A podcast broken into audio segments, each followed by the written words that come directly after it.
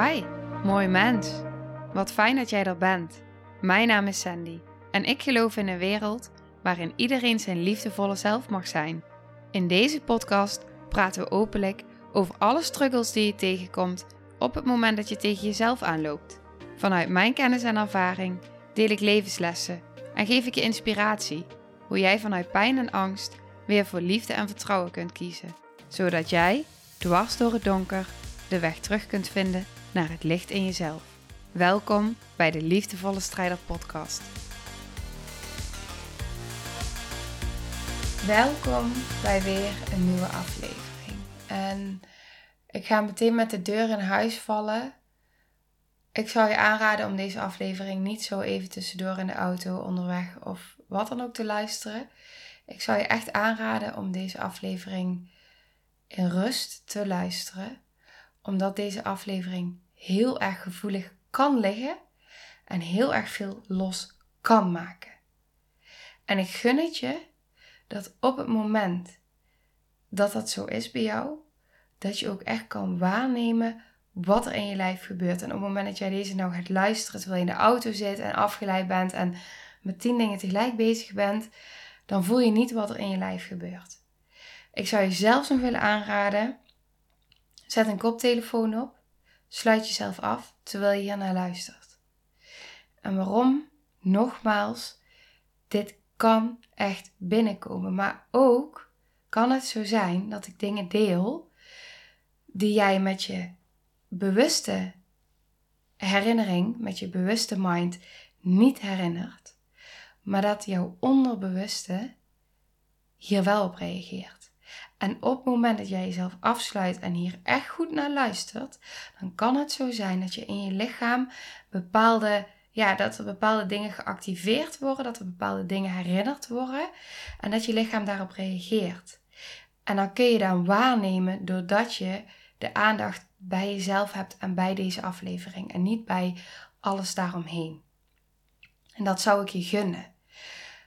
Want nogmaals, dit kan heel erg uh, binnenkomen. Op allerlei gebieden. En ik geloof ook dat hier zeker ook taboe op zit. Ik geloof ook zeker dat dit uh, heel veel gaat oproepen, deze aflevering. En juist daarom ga ik hem delen, want ik vind dat dit zoveel meer gehoord mag worden. Zoveel meer. Oké, ik ga beginnen. En wat ik nog één ding wil zeggen, luister op het moment dat jij uh, moeder bent, zal je het deels ook luisteren, of vader, deels ook luisteren vanuit je eigen ouderschap. Maar ik wil ook dat je luistert vanuit je kind zijn vanuit je innerlijk kind. Want het kan zomaar dat dit bij jou ook aan de orde is geweest. En dat dit is gebeurd en dat jij in je leven daarvan nog zoveel reactie hebt gehad en klachten hebt gehad en pijn hebt gehad. Zonder dat je ooit wist dat het hiermee te maken heeft kunnen hebben. Dus luister dan vanuit beide perspectieven, zowel voor je kind als voor jezelf. En voor degenen die geen kinderen hebben, Luister voor jezelf. Oké. Waar dit over gaat, dit gaat over iets wat mij ook heel erg raakt. En altijd heeft gedaan, überhaupt al voordat ik mama was, raakte dit mij enorm. En nu nog even een schepje erbovenop.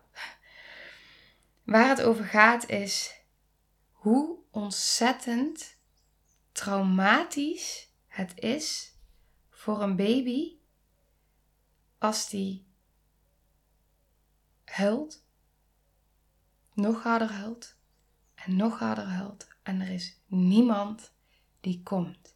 Ik heb dit ook al wel eens vaker gedeeld in de afleveringen over trauma. En ik wil er nu één specifieke aflevering over maken. Omdat ik vind dat dit zoveel meer, nogmaals, zoveel meer gehoord mag worden. Op het moment dat een baby heel hard huilt. En hij ligt daar alleen. En ik wil ook nog even zeggen, hè, dit is geen oordeel. Dit is ook geen uh, verwijt. Ga je zelf, mocht het zo in jouw situatie zijn geweest, ga je zelf geen verwijten maken. Ook niet naar je ouders toe. Iedereen handelt altijd, daar geloof ik echt in, vanuit de beste bedoelingen. Wat je niet weet, kun je ook niet overbrengen. En daarom wil ik dit bewustzijn graag creëren bij mensen. Want wij leren vaak, leren we dat het goed is om de baby te laten uithuilen. Vroeger werd ook gezegd: laat de baby maar gewoon een paar maanden huilen. Het gaat vanzelf over. Ja, dat klopt. Het gaat vanzelf over. Maar daar hebben ze het niet over wat dat met jouw baby heeft gedaan. En dat is heel, heel, heel intens. En dat ga ik met je delen. Het is niet, weet je, dan zeggen ze het is goed voor de longetjes of het gaat vanzelf over of wat dan ook. Ze zeggen zoveel. Maar wat zegt jouw gevoel op het moment dat jouw babytje huilt? Of wat zegt jouw gevoel? Stel je voor dat jij de hele dag, je hebt negen maanden in een baarmoeder gezeten. Stel het je gewoon eens voor. Je hebt negen maanden in een baarmoeder gezeten. Je hebt de hartslag van je moeder gevoeld. Je voelde haar warmte. Je voelde haar liefde. Je komt in een onbekende wereld. Helemaal hulpeloos. Er moet voor jou gezorgd worden. Je bent afhankelijk van eten. Je bent afhankelijk van, van liefde. Want een baby gaat dood als hij geen liefde krijgt. Je bent volledig afhankelijk van jouw ouders. En stel je dan eens voor dat jij alleen in een kamer wordt gelegd. In je eentje. Na al die maanden jou, de warmte van je moeder bij je te hebben gehad. En dan lig je daar in je eentje en je denkt: Ik ga huilen, want ik wil dat mijn mama komt. Je voelt je eenzaam. En ineens is, het lichaam van je mama dan niet meer. En het lichaam van je papa dan niet meer. Dus je bent bang. En je gaat huilen. En je huilt nog harder en je gaat schreeuwen en je gaat krijsen. En op een gegeven moment raak je zo in paniek. En niemand komt er. Wat zegt jouw gevoel als je dit zo hoort? Ik voel dit door mijn hele lijf namelijk. Als jij dan denkt, of als jouw moeder dacht, of als jou is aangepraat, dat reageren op dat moment verkeerd zou zijn. Wat zegt jouw gevoel als je dit hoort? Er zijn zoveel mensen die tegen mij of tegen Bram hebben gezegd dat het huilen van een baby het kind zal verwennen als je er naar hem toe gaat. Verwennen? Dat komt pas op het moment dat die baby het bewustzijn heeft, snapt dat hij niet één is met jou. De eerste maanden, volgens mij zelfs de eerste negen maanden, denkt een baby nog dat hij één is met zijn moeder. Dat ze samen één zijn. Ik laat nu ook echt een stilte vallen, omdat ik denk: hoor je wat ik zeg? En dan wordt er niet naar je geschreeuw geluisterd en naar je gehuil. Omdat je je kind zal kunnen verwennen. Zou een baby die nog zo jong is, die nog volledig afhankelijk is, zou die op dat moment al kunnen denken: Oh, ik ga eens aandacht vragen? Nee, nee, nee, nee, nee. Dit is puur reageren vanuit overleving. Puur reageren vanuit instinct puur vanuit hechting. Er zijn zoveel hechtingsproblematieken in deze wereld. Bij zoveel mensen. Hoe zou dat komen? Waar zou dat beginnen? En dat is nogmaals geen verwijt, hè? want als je te horen krijgt dat, dat je dus inderdaad hè, een, een kind ermee verwent, of dat huilen goed is voor een kind, dat het vanzelf overgaat, dan, dan is dat, hè, dus ook naar je ouders toe, op het moment dat jij nu hierdoor geraakt wordt en dat jouw lichaam hierop reageert en dat je voelt, jeetje, uh, mijn ouders lieten me ook huilen. Het is geen verwijt. Als jij vijf keer, vroeger hadden ze ik weet niet hoeveel kinderen rondlopen. Misschien kon het niet eens als je als moeder alleen voor al die kinderen zorgde. Dus ga dit ook niet op jezelf betrekken. Ga er ook geen schuldgevoel. Daar heeft niemand iets aan. Niemand. Het enige waar we nu iets aan hebben is om hier bewustzijn over te creëren in deze wereld. Zodat er een verandering kan optreden. Want even terug naar dat kind wat daar ligt, alleen. Misschien duurt het uren, uren voordat hij in slaap valt. En op een gegeven moment denkt het kind: ik heb hier geen energie meer voor.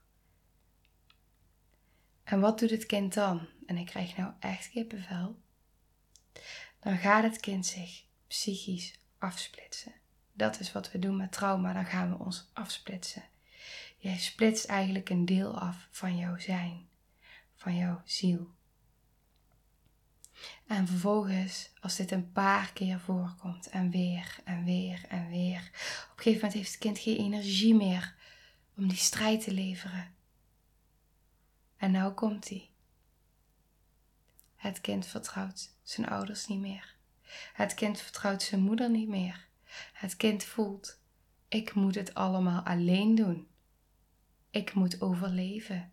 Die baby, zo hulpeloos, voelt dan al dat hij moet overleven, dat hij het alleen moet doen.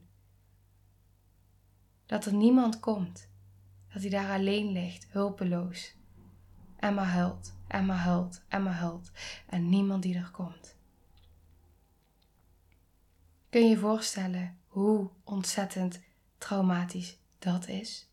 Kun je je voorstellen dat een baby daar al trauma, dissociatie en allerlei uh, stoornissen kan ontwikkelen op dat moment? Zo klein, zo kwetsbaar. Want op dat moment, het verlangen wat hij heeft naar het contact, hè? naar die veiligheid, naar die liefde, naar die verbinding. Dat verlangen wordt niet gehoord. Er wordt niet gezien. Hij blijft alleen. En dan komt op een gegeven moment komt die frustratie. op een gegeven moment voelt hij die ook niet meer.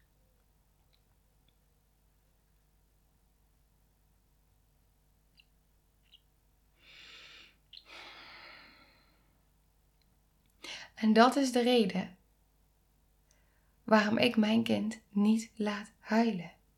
Dat is de reden waarom mijn kind bij mij in bed slaapt. En bij Bram natuurlijk, bij ons in bed slaapt. Dat is de reden waarom hij, hij heeft heel veel behoefte op huid-op-huid contact. Waarom wij gehoor geven aan zijn wensen. Hij heeft negen maanden in mijn buik gezeten. En hij laat nu duidelijk aan mij merken dat hij behoefte heeft aan huid-op-huid contact.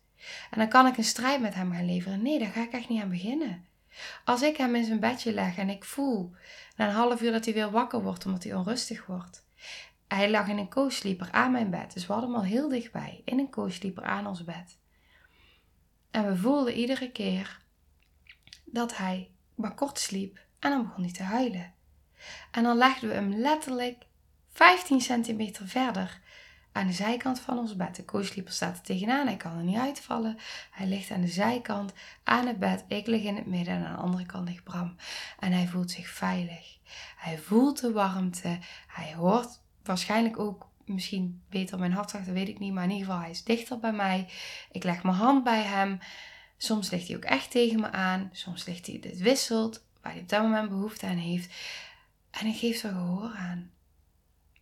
Overdag hij slaapt, hij wil slapen, maar hij slaapt alleen echt goed als hij op onze borst slaapt. Dus dat is of met hem gaan zitten of in een draagzak. Draagzakken zijn echt de uitvinding, uitvinding van de eeuw, vind ik. Oh, halleluja.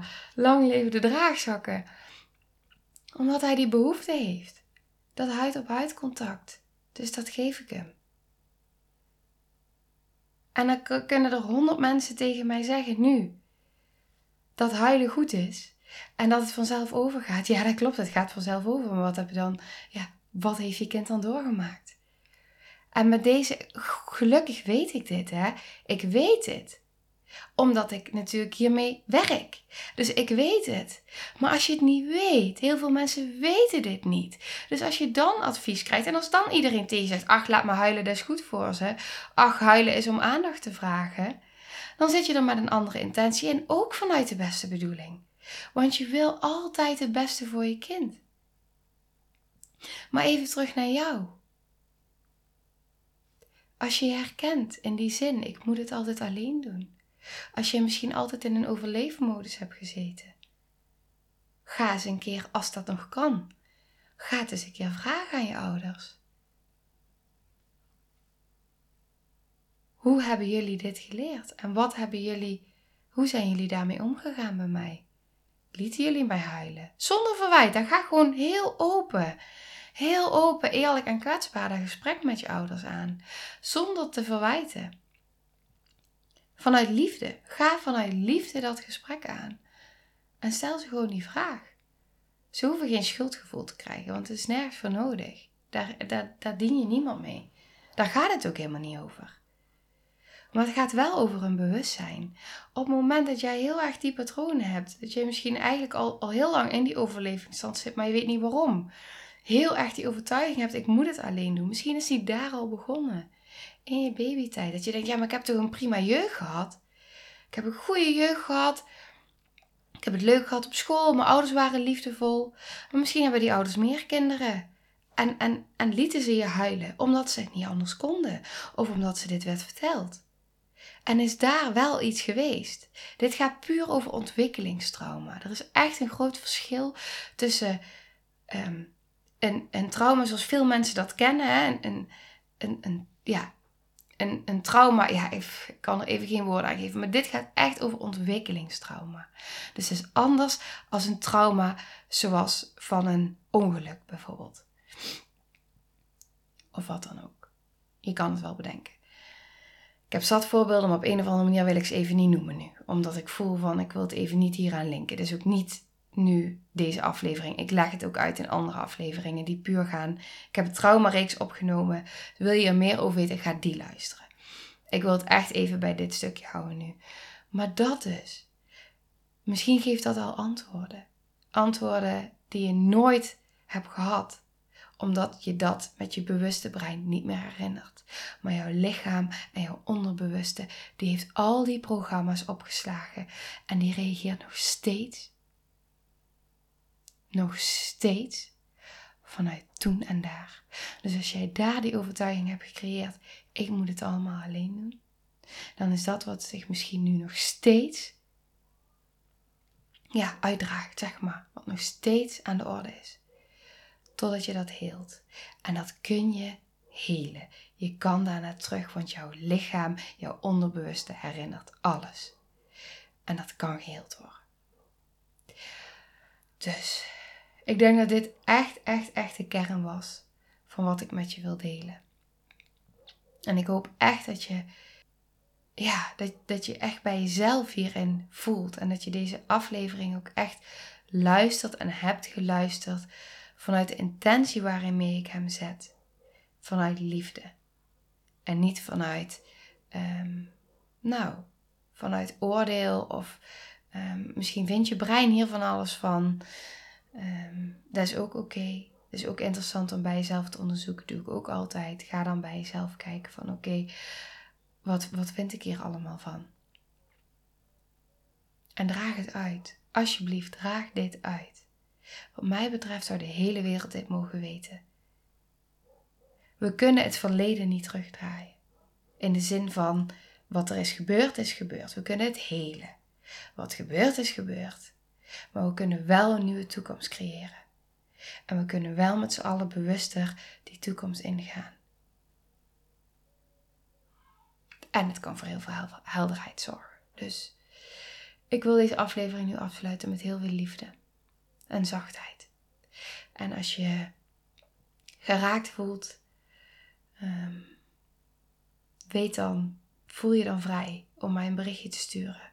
Want het is echt helemaal welkom. Mocht je die behoefte voelen. Oké. In liefde.